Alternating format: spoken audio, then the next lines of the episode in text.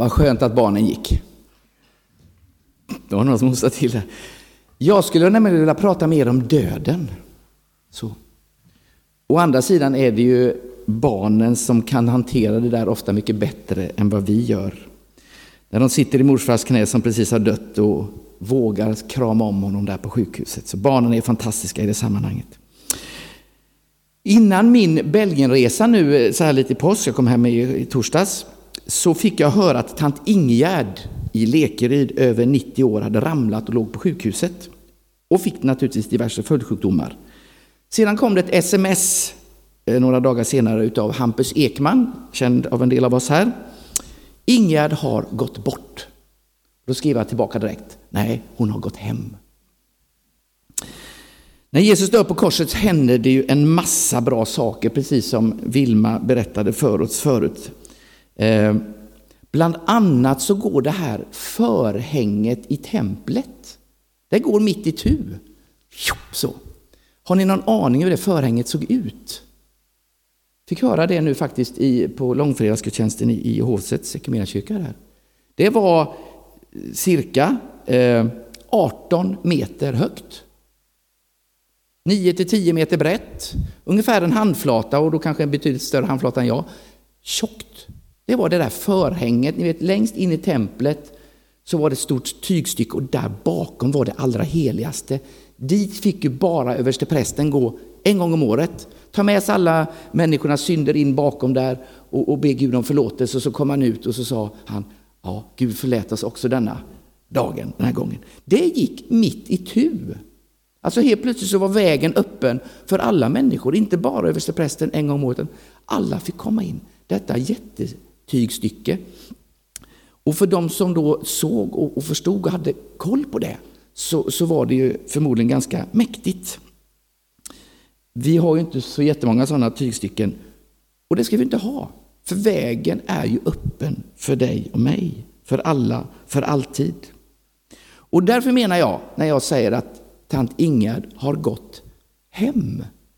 För det är ju så, när, vi, när någon dör för oss så tänker vi, ja nu är de borta, nu ser vi dem inte längre så. Nej, det finns ju någonting mänskligt i det. Men tack vare det som Jesus gjorde på korset så kan vi säga hem. Visst är det fantastiskt? Jesus säger själv, jag går före och bereder plats för er. Alltså när Jesus lämnar den här jorden, han hade ju inte riktigt samma väg som vi, han fick ju dö först och sen så blev han ju levande igen och, och sen efter det så gjorde han sin himmelsfärd.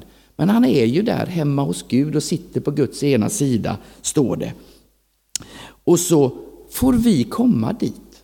Så när det är dags för oss att dö, då får vi ju komma hem till honom. När vi har begravningar, då säger vi ofta så här. Vi ska inte sörja som de som är utan hopp. Alltså om man riktigt lite förstår det här med, med, med korset och Jesus och tar till sig det, då kan man tänka det när någon dör. Att jag får se den här personen snart igen, när det nu blir. Vi ska inte sörja som de som är utan hopp. Tack vare det som Jesus på korset gjorde så har vi ett hopp. Vi ska få ses en gång till igen. Det är ju det som det här tomma korset vittnar om. Det har vi i våra kyrkor. En del av oss har det runt halsen som en påminnelse om det som Jesus gjorde. Och det är ju bra. Tack Vilma. Precis som hon sa. Långfredagen är ju ibland en sorgens dag. Ja, det är klart att vi ska följa med Jesus i allt det där som hände. Nu hade ju vi ingen långfredagsgudstjänst här. Jag hoppas att du var någon annanstans, men jag ville ändå dra med lite, lite Getsemane och lite långfredags för att vi ska få med det i vår påskbild. Kan det möjligtvis komma upp en bild nu, Viktor?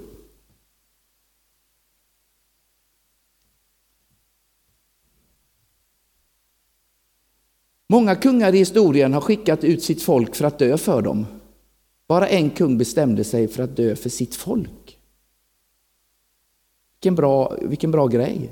Många kungar i historien har skickat ut sitt folk för att dö för dem. Ni vet alla kungar för de skickar ut folket för att vinna krig och sånt. Bara en kung bestämde sig för att dö för sitt folk.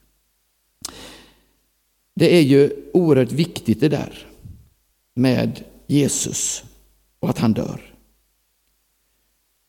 Men om inte han uppstår, vad händer då? Ja, då ligger han ju kvar i graven. Och vi kan fira den här långfredagen att han dör och, och massa saker händer sådär. Men om han inte uppstår, då har det ju ingen som helst verkan. Då segrar ju döden. Och inget av det som Jesus gjorde spelar en roll. Inga synder blir förlåtna.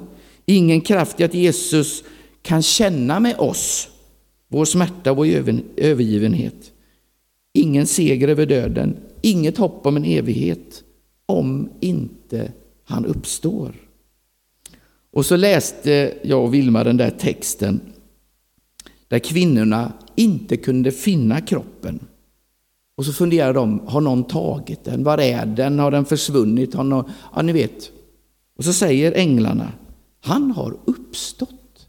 Och helt plötsligt så klickar allt in utav det som Jesus gjorde på korset. Han besegrar döden. Du och jag kan få förlåtelse. Vägen är öppen. Att eh, förhänget rämnade, det spelar roll för att han inte är kvar i graven utan lever igen.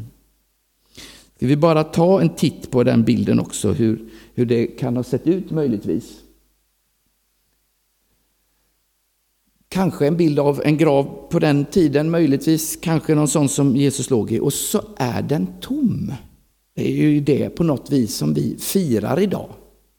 Så vill man ta med korset, det tomma korset, Jesus hänger inte kvar, han har klivit ner från det, in i graven med honom, men graven är tom. Och då tänker jag att det gäller även idag. Att vi måste varje dag ta till oss det här. Vi vill så gärna ha en, re en relation med någon som har skapat allting. Det tror jag ligger i alla människor. Jag längtar efter någonting utanför mig som kan hjälpa mig i mitt liv, som kan bära mig där det är kämpigt, finnas till mig. Som kan hela mig när jag blir sjuk. Som jag kan ha vid min sida varje dag. Men då är det viktigt att du och jag inser att graven är tom och kanske vågar ropa mitt halleluja. Graven är tom, jag tar till mig allt det där mäktiga som har hänt. För annars spelar det ingen roll. Då tror vi på en död Gud. En död Gud som ligger i en grav. Nästa söndag så kommer Björn Bergman från, från HCS kyrka hit och predikar om att dela det här budskapet vidare, att Jesus lever. Eh, kanske tror jag att han kommer landa i att inte så mycket prata om vilka regler kyrkan ska ha och hur vi ska bete oss som kristna, utan mer berätta den här hemligheten. Graven är tom, korset är tomt och det är det han kommer att landa i nästa söndag. Ska vi stanna bara, Vilma, en sista gång vid det där ordet förbryllad. I en annan övertext, en annan översättning, förundrad, full av undran. Eh, det är så spännande ibland att ta lite olika bibeltexter, eh, för då säger det lite mer av en helhet. Han var naturligtvis förbryllad. Vad är det som har hänt? Hur kunde det? Varför? Och allt det där. Det är klart att han kände det. Han stod där i graven. Och samtidigt full av undran. När det på något vis började klicka in i honom.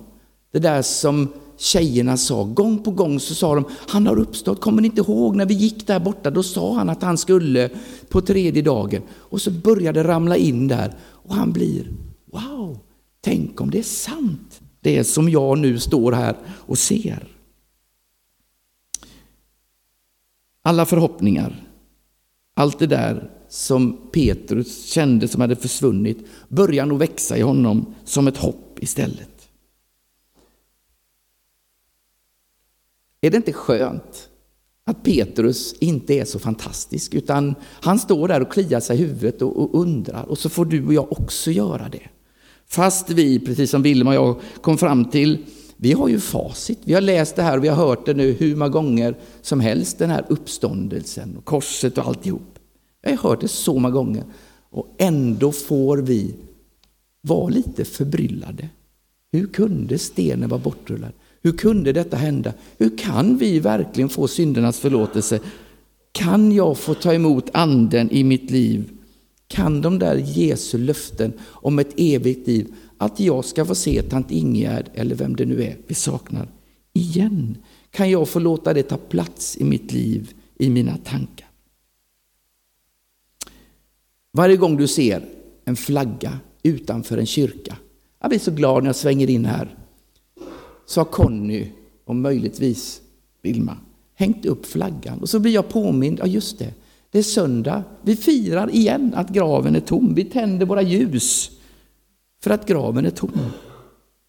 Kanske ser du, eller tänker du nästa gång du ser ett kors hos någon eller på någon plats där du aldrig har varit förut, så kanske du tänder, tänker, korset är tomt, graven är tom. Och så får du och jag påminna oss om detta gång på gång på gång. Graven är tom. Halleluja. Nu ber vi. Tack Jesus att vi får tro på en levande Gud. En Gud som har tagit allt för oss, dött och uppstått. Och det får bära oss också denna påskdagen. Hjälp oss Herre att inte behålla detta för oss själva utan att dela det med alla vi ser.